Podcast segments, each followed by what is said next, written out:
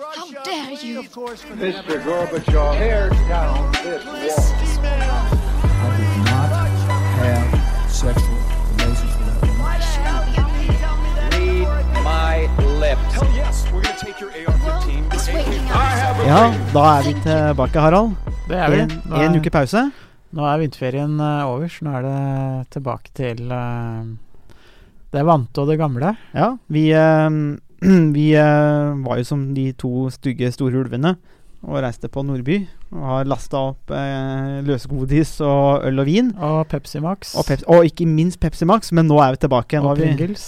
vi, ja, nå må, og nå må vi, nå må vi eh, kjempe oss tilbake i form. Eh, det var ikke podkast forrige uke, men eh, vi slår tilbake med et eh, brak.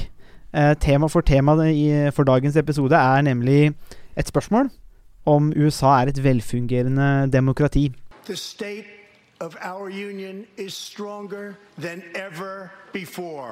Og um, litt bakgrunn for det er Det foregår jo en, nå en valgkamp. Hvem er det som skal få, få lov til å bli demokratenes eh, kandidat i eh, valgkampen eh, mot, i presidentvalget mot Donald Trump?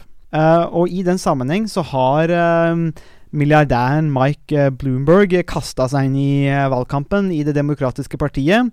Bruker eh, Jeg har sett noe sånn som 400 millioner dollar allerede på reklamer. Han betaler folk for å lage memes på populære Instagram-kontoer. Og han har kasta seg inn i kampen. Og det her stiller noen spørsmål rundt penger, politikk og demokrati. Og eh, vi, har mange, vi har mange flere eksempler på det her. Jeg så tidligere et intervju med den, eh, med den tidligere statssjefen, stabssjefen til Colin Powell som sa at man kan ikke være politiker eller høyt oppe i Washington med mindre man er millionær. Så jeg tenkte det, er, det her er et godt utgangspunkt for en diskusjon om demokrati og hvorvidt USA er et velfungerende demokrati. Så Harald, spørsmål. Er USA et velfungerende demokrati? Eh, nei, det er det, er det ikke. Det, det var ukas podkast. Da, var vi- da var vi ferdig med det. avklart det. Ja. Nei, men eh, USA er ikke et velfungerende demokrati, sier du. Der skal vi utdype. Det er jo interessant. Hvorfor? Hva, hva, hva er det du tenker? Hvorfor faller USA gjennom her? Jeg, jeg tenker at hvis man ser på det amerikanske demokratiet i et historisk perspektiv, så ser man at det, det har vært eh, tidligere perioder også hvor eh, USA ikke har vært et, eh, et velfungerende demokrati. Og eh, det mest iøynefallende eksempelet er jo selvfølgelig borgerkrigen på 1860-tallet. Og det som er uh, interessant, er jo også at uh, så, så der er jo ikke noe nytt. USA har gått gjennom flere perioder med et uh, dysfunksjonelt demokrati. Mangelfull deltakelse, ikke minst, Ab absolutt. for de svarte. Og um, eh, Men det, det som er interessant, er jo også at USA har jo klart å komme til, eh, tilbake. Mm. Man fikk et eh, mye mer velfungerende demokrati i perioden etter eh, borgerkrigen på 1860-tallet. Så, så er den krisen vi ser nå men Vi trenger ikke å overdrive nødvendigvis. Bare fordi at USA har et, ikke har et velfungerende demokrati i dag, betyr jo ikke at det ikke er et demokrati. Eh, selvfølgelig, Det er bare et, et uh, veldig dysfunksjonelt uh, demokrati. Men, uh, men det er absolutt et demokrati som ikke er vel, velfungerende i dag. Ja, Vi har jo snakka mye om demokrati tidligere i podkastene våre. Det er, det er noen ting som et Det er mange ulike definisjoner på demokrati. Du skriver jo en bok nå om demokrati, og innledningen din eh, handler vel egentlig om at vi bruker det ordet demokrati, men vi skriver fortsatt masse om hva er det egentlig. eh, Og i første podkasten så sa vi jo at eh, demokrati er som pornografi. Man vet hva det er når man ser det. Men underforstått, her ligger det mye mer under. Men, men når vi tenker på hvis vi, hvis vi ser på hva som krever Hva et velfungerende demokrati krever, så er det noen, tinger, noen ting som vi må se på. Institusjoner, frie valg, eh, fredelig maktovertagelse, eh, deltagelse. Andre ting er det Ja, vi, vi nevner, det du nevner nå, er jo noen av de, de mest sentrale. Jeg tenker at det som er eh, kanskje noe av det mer iøynefallende med situasjonen i USA i dag, er jo at i dag så er det faktisk eh, de politiske institusjonene som til en viss grad eh, undergraves. mm. Eh, For tidligere så har man jo også alltid hatt så Politikk handler jo til en viss grad om maktkamp, og det har vært stor uenighet på, mellom Det republikanske partiet og Det demokratiske partiet i, i tidligere tider og perioder også. Mm. Men det, hvis man sammenligner f.eks. mm, Bush sin presidentperiode på 2000-tallet, så var det også tøffe diskusjoner, og det var vanskelig å få til samarbeid mellom de to partiene. Og også i eh, Obama sin, eh, sine to presidentperioder. Men det som er eh, kanskje viktig med Trump sin periode nå, er at Trump og hans administrasjon aktivt går inn for å undergrave selve institusjonene. For tidligere så har man hatt store politiske uenigheter, og man har ikke hatt et ønske om å samarbeide av mange årsaker, og det, det skal vi jo si, snakke mer om i dag også.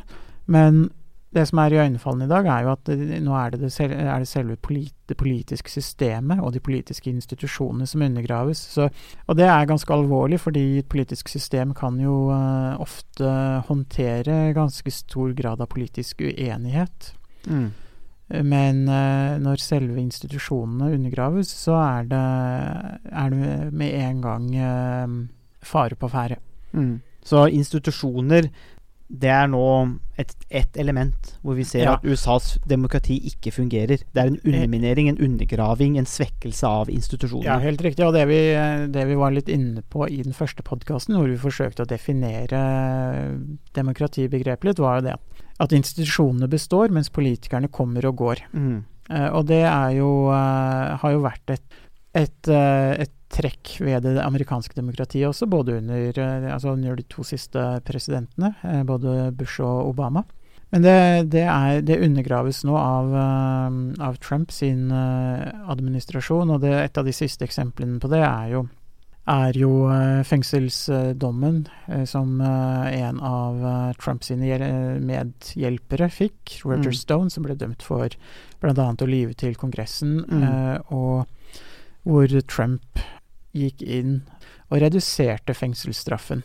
Mm. Og det er jo et klart brudd med, med ideen om skillet mellom lovgivende, utøvende og dømmende statsmakten. statsmakter. Mm, jeg, så, jeg så noen eh, eh, Det her ligger jo ute på YouTube. Det er jo, anbefaler jo alle å bare YouTube er jo en gullgruve, og man kan jo gå til uh, type eh, Trevor Noah eller uh, Last Week Tonight med John Oliver, og man får liksom en, en oppsummering av en del sånne håpløse ting og påstander. Og en av de som jeg så på Fox News, vel, satt jo eksperter Nå er jo riktignok Fox News det det er, men det satt jo eksperter der og hevda at, eh, at den juridiske bransjen, eller juridiske delen, da, den, den dømmende de, delen av maktapparatet, det hører innunder presidenten. Så de har å gjøre det presidenten sier.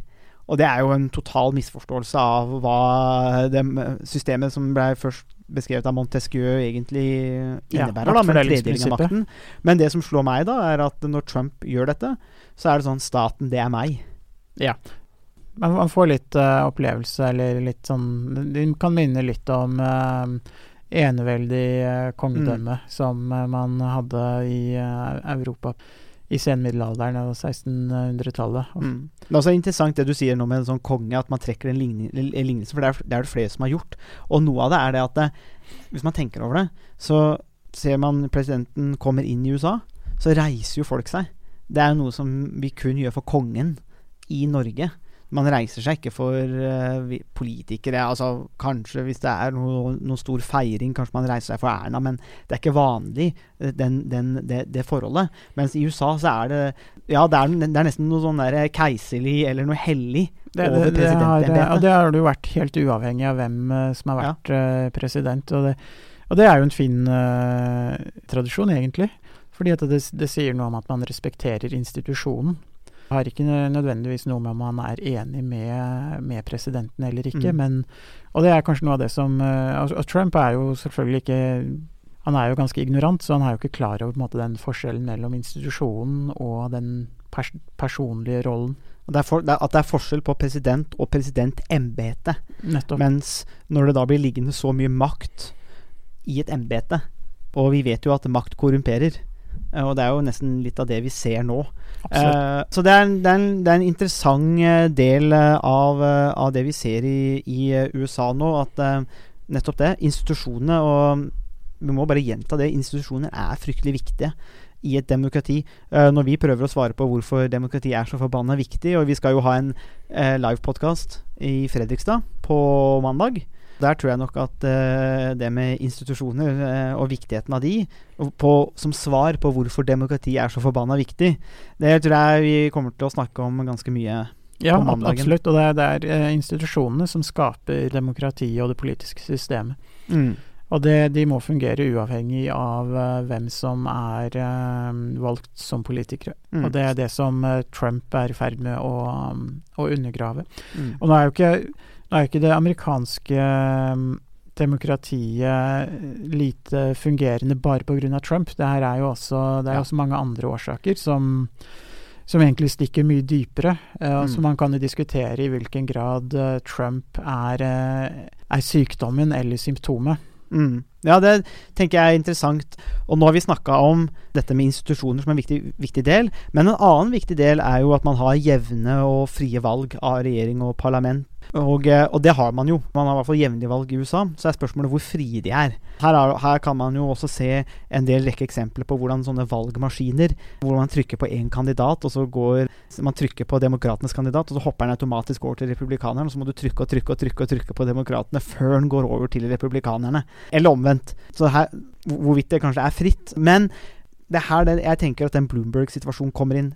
Penger, lobbyisme. Det, det er noe vi er nødt til å snakke mer om. Fordi sett utenfra, i hvert fall, så kan man tenke, tenke hvert fall jeg, at det med situasjonen med Mike Bloomberg, hvor han bare pøser inn hundrevis av millioner av dollar for å bli en president, prøve å vinne kampen, da, uten noe annet Altså, han har ikke vært noen aktivt medlem av demokratiske partiet. Han må bare finne ut nå passer det meg å, å prøve å bli president. Pøse på med penger. Det er eh, masse reklamer. Blir bare bombardert med det her. Og det virker som om at det, er penger som rår i valget her. Hvem er det som skal bli politikere? Og at pengene har fått en veldig dominant makt, da.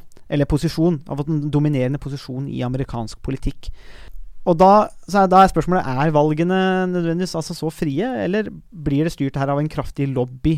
Slik at man ja, stemmer teller, men ressurser avgjør, slik som Stein Rokkan sa. Hva tenker du om det, at det er rollen her med penger og, og lobbyismen, og hvilken, hvilken effekt har det på det amerikanske demokratiet? Ja, det har, det har en ganske, ganske stor, stor effekt. Antagelig på, på flere ulike måter. Og man kan jo si at lobbyisme i seg selv er jo ikke nødvendigvis noe kritikkverdig.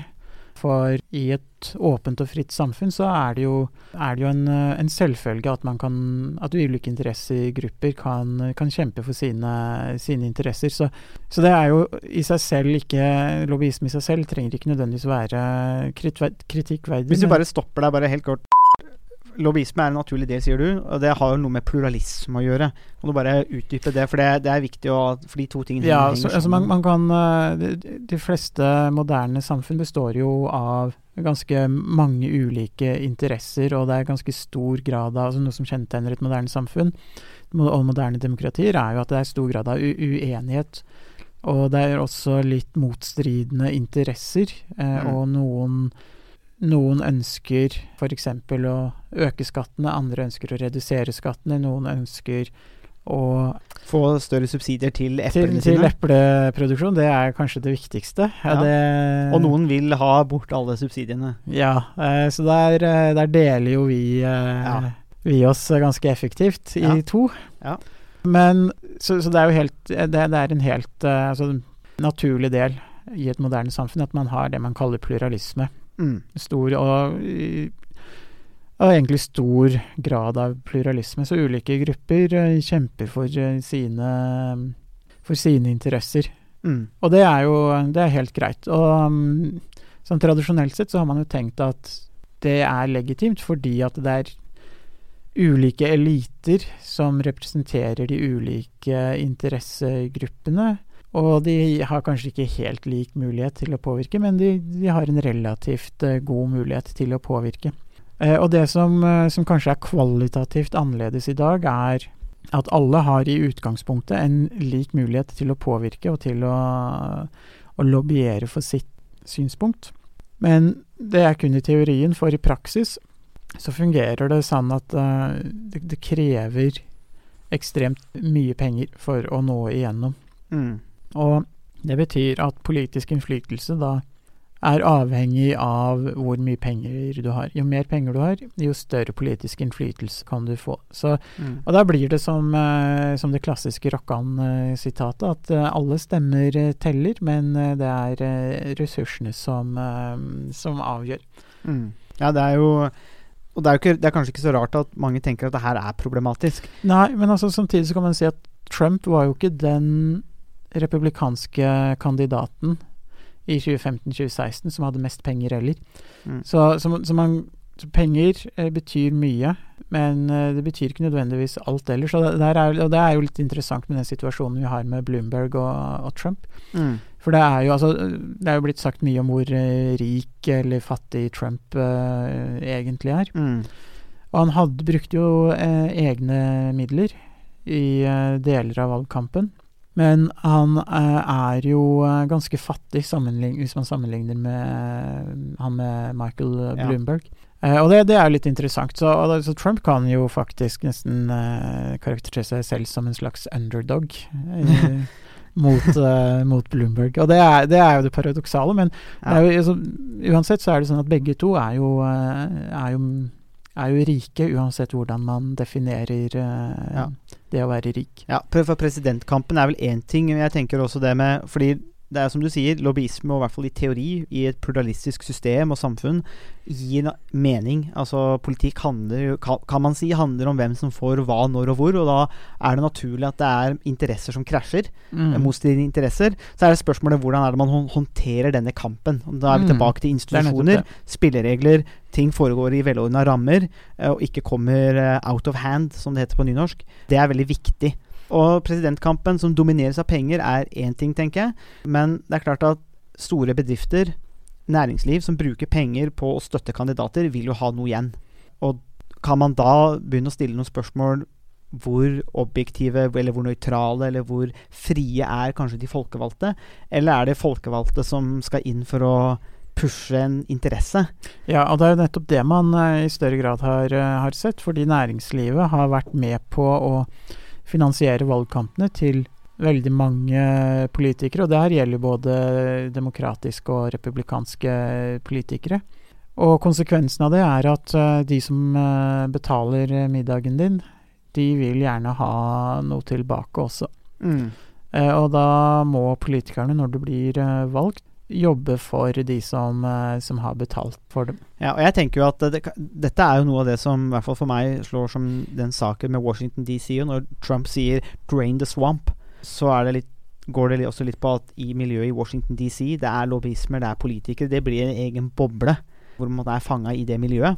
Mens eh, vanlige folk, og jeg setter det i hermetegn, de faller da utenfor. Og jeg om, om, Det er mye som kan sies om det, men jeg tror uansett at det er en veldig effektiv retorikk når man ser det miljøet, og det er en, en, en av grunnene til at eh, Trump tror jeg kan mobilisere mobilisere blant folk som er veldig langt unna han finansielt og levemessig. De skulle egentlig ikke hatt noe til felles, skulle man tro. Men, men det er sånn det er. Ja, altså Jeg, jeg har eh, lest et sånt Trump-sitat en gang som, hvor, han, hvor Trump ble spurt av eh, noen av Jeg tror det var, kanskje var noen uh, utenlandske venner av Trump eller noe sånt noe, om uh, hva som var forskjellen på, på Trump og, og de fattige. Og den eneste forskjellen, eller på de som er sånn ut, lavt og dårlig utdanna osv. Og Trump svarte at den eneste forskjellen var, var pengene. De hadde like dårlig smak og like, Ja, nettopp. og like harry, eh, begge, begge gruppene. Så sånn sett så Trump eh, har jo en appell til Mm. eh, Som på en måte går utover de, de som, som er, har samme levestandard og, og velstand Mm. som, som han selv, da. Men jeg tenker at Trumps retorikk som outsider hadde jo en viss, viss appell i 2015-2016. Og det var jo mange som advarte mot at det er jo bare eh, forføreri og eh, noe, en retorikk som Trump eh, bruker for å bli valgt. Eh, og det, det har jo stemt, for Trump har jo vært svært nepotistisk når det gjelder hvilke rådgivere han Ja. har brukt. Og det siste eksempelet med Roger Stone og endringen av hans fengselsstraff er jo også veldig Mm. Er jo et, et typisk eksempel på at Trump har jo ikke akkurat gjort noe for å drain the swamp, men han har jo heller um, gjort at den har blitt Større. større. Ja, det er, og, og dypere. Det er, jeg tenker jo det er jo Her kommer jo i hvert fall Adam Smiths uh, Vile Maxim til minne for min del.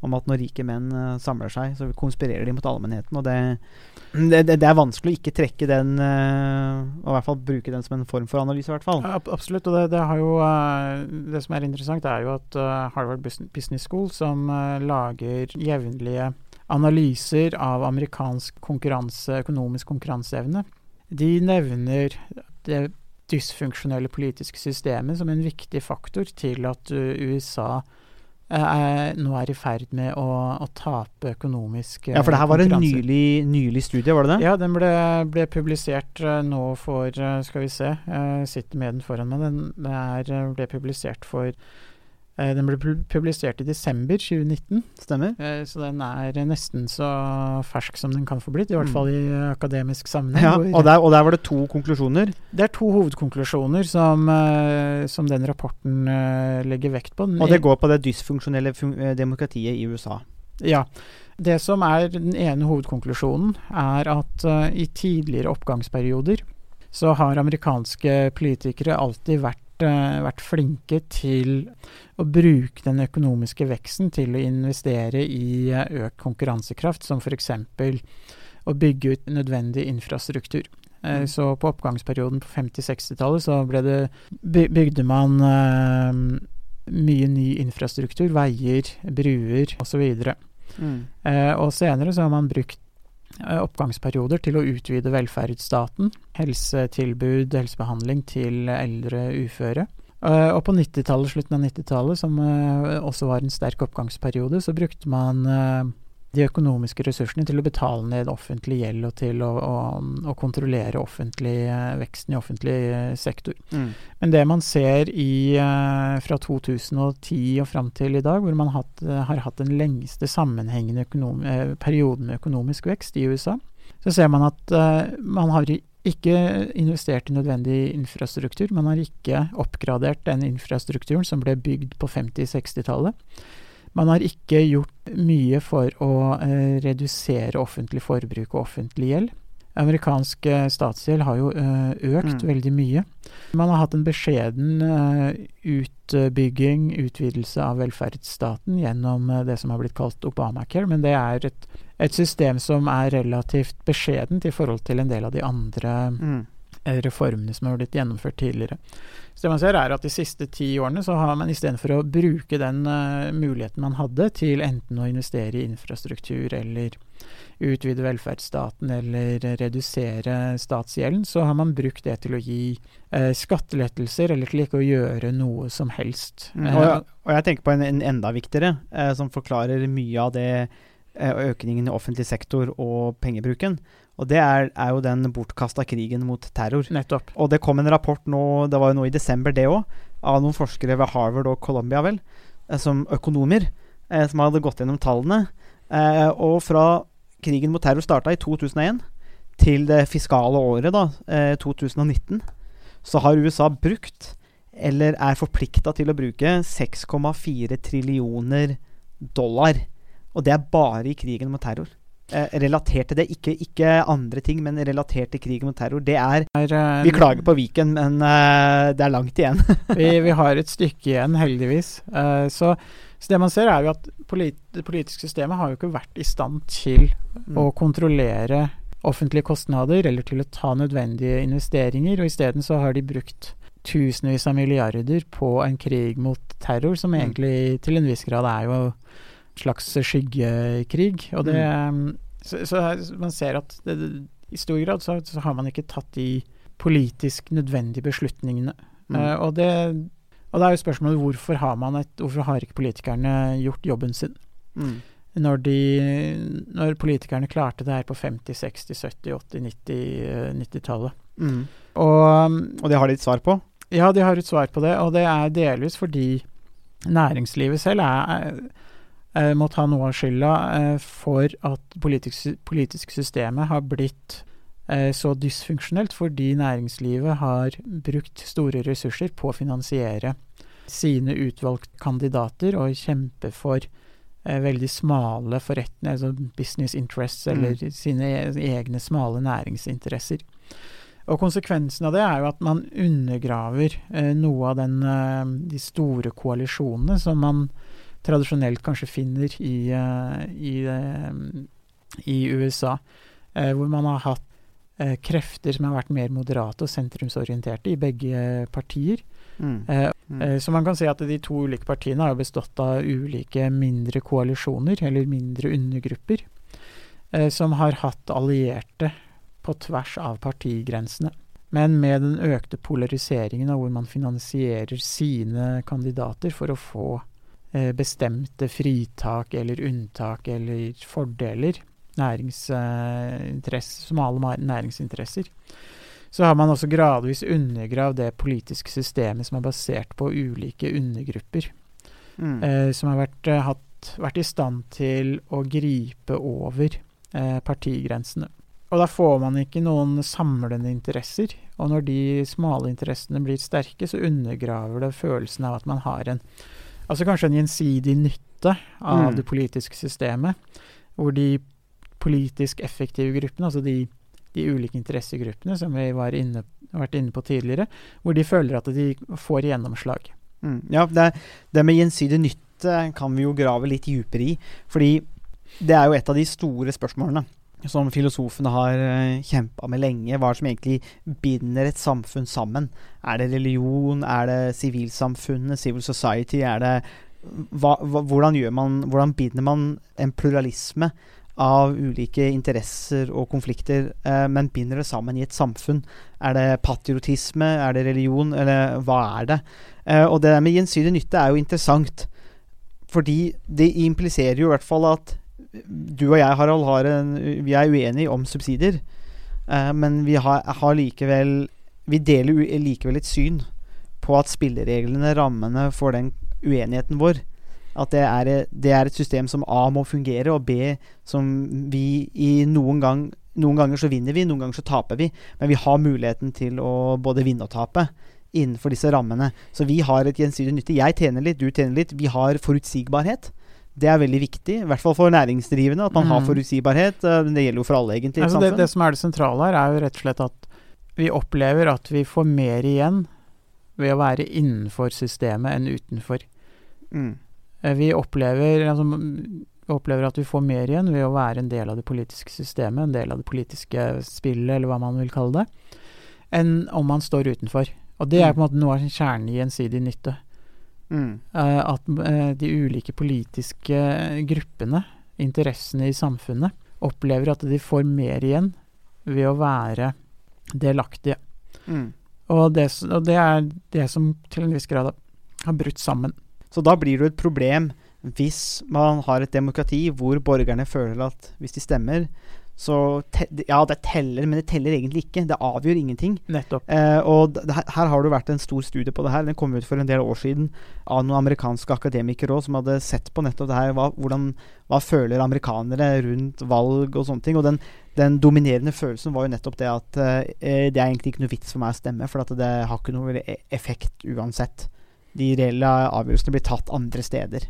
Ja. Og da har man fått en slags avmaktsfølelse. Ja, for oppfatningen er at eh, de politiske, viktige politiske beslutningene tas andre steder enn i Kongressen eller i det politiske systemet. Mm. De tas av andre aktører i, Mm. uh, i samfunnet. Mm. Og når man har den oppfatningen, så, så undergraver det ideen om, uh, om at det, demokratiet har noen funksjon, og da forsvinner den opplevelsen av gjensidig nytte. Mm. Og det er et alvorlig eh, problem. Så hvis, vi, så hvis vi oppsummerer, så er USA et demokrati som ikke fungerer så veldig godt for tiden. Og det er fordi A, og kanskje det viktigste, institusjonene svekkes og undermineres av, eh, av ledende politikere, av administrasjonen. Vi kan kanskje si at B, valgene blir også til stor grad styrt eller influert av særinteresser, som har særinteresser, men ikke kanskje fellesinteressene. som er det viktigste, sånn som uh, Rousseau var veldig opptatt av, at man skulle ha public virtue, og det, det var det common good som var det viktigste. Kanskje man uh, Og det her er jo det uh, gratispassasjerproblemet ja, Eller kanskje ikke gratispassasjer, men det problemet med kollektive goder og kollektive problemer er et problem her. Og så er det kanskje deltakelse nå, at man De som deltar i demokrati, som skal utgjøre the body politic, folket, kanskje ikke At de føler avmakt. Er, Ja, er det Altså det er institusjoner, deltakelse og lobbyisme eh, eller særinteresser, er det det som er Ja, absolutt. Jeg, jeg, tror, eh, jeg, jeg tror eh, absolutt du har rett i det. Og jeg tror kanskje det mest alvorlige nå er at institusjonene er i ferd med, med å undergraves. Og det deltakelse, lobbyisme, særinteresser har vært eh, trekk ved det politiske systemet i USA og i alle moderne demokratier i større eller mindre grad. I, det har vært eh, trekk ved, ved demokratiet så, så lenge man har hatt demokrati, egentlig. Mm. Eh, og de fleste politiske systemene har mekanismer for å, for å håndtere det i større eller mindre grad. Eh, men det som er kvalitativt nytt nå, er jo nettopp det med at institusjonene undergraves. Det, så sånn sett så er det Man skal ikke overdramatisere det, fordi det har eh, vært eh, enda større grad av institusjonell undergraving for på midten av 1800-tallet, rundt borgerkrigen i USA. Så USA har utvilsomt mulighet til å løse disse problemene. Eh, og skaden som Trump eh, kan gjøre, er eh, forhåpentligvis bare, bare midlertidig. Ja, det er jo Det må jo være håpet. Og så, hvis jeg skal få lov til å være litt sånn Ta din rolle som pessimist Er det ikke sånn det er? Det er sånn det er. Nei, men, Så blir vi men pessimister begge to. ja, ja, det er jo det som blir resultatet her. Så tenker jeg at det som er det skumle, er det at institusjoner er også noe av det som bygger tillit. Mange av oss stoler ikke nødvendigvis på Erna Solberg fordi Erna Solberg er en flott politiker og en flott kvinne, men ofte fordi at embetet hennes, statsministerrollen, institusjonene, det er der tilliten ligger. Så vi har tillit til statsminister Erna Solberg langt på vei fordi at vi har tillit til systemet, til institusjonene. Vi vet at det her ligger i bånn, slik at vi er ikke avhengig av en karismatisk norsk politiker for å gi legitimitet til systemet, men det er systemet som gir legitimitet til eh, personene. Og det er kanskje det man ser at det begynner å svekke i, USA, er, eh, mer og mer. Eh, og det er også Det er dessverre også sånn at det tar tid å bygge opp. Det er jo mulig, som du sier. Det, vi trenger ikke å konkludere med at USA er et demokrati som ikke fungerer akkurat nå, og sånn vil det alltid være. Det, sånn er det ikke. Man kan forandre på det. Men det er vel i hvert fall helt klart at de har en utfordring foran seg. Eh, Ja, og det starter jo kanskje nå med valget nå. Ja, det gjør det. Og, så det er jo spennende å se hvilken demokratisk eh, kandidat som skal eh, få lov til å tape mot Trump til, til høsten. Ja. Vi får, vi får innlede et veddemål, og så Ja, får, vi, får, vi, får vi se. Kanskje lage en poll på Facebook-sida, som vi snart har oppe og går. Så snart kan du følge oss på Facebook og få tilgang til alle episodene våre. Eh, vi kommer til å legge ut litt sånn lesemateriale, er jo planen. Til å gå med de tingene vi snakker om, sånn som den artikkelen eller Nettopp. studien du viste nå fra Harvard. Så det kommer om en uke eller to. Neste uke så er vi i Fredrikstad.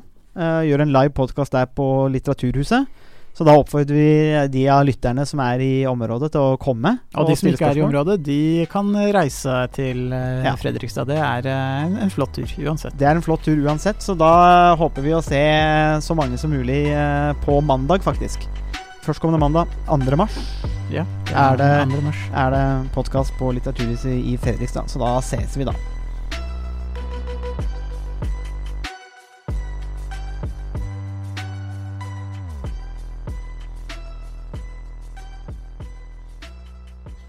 Change is coming whether you like it or not.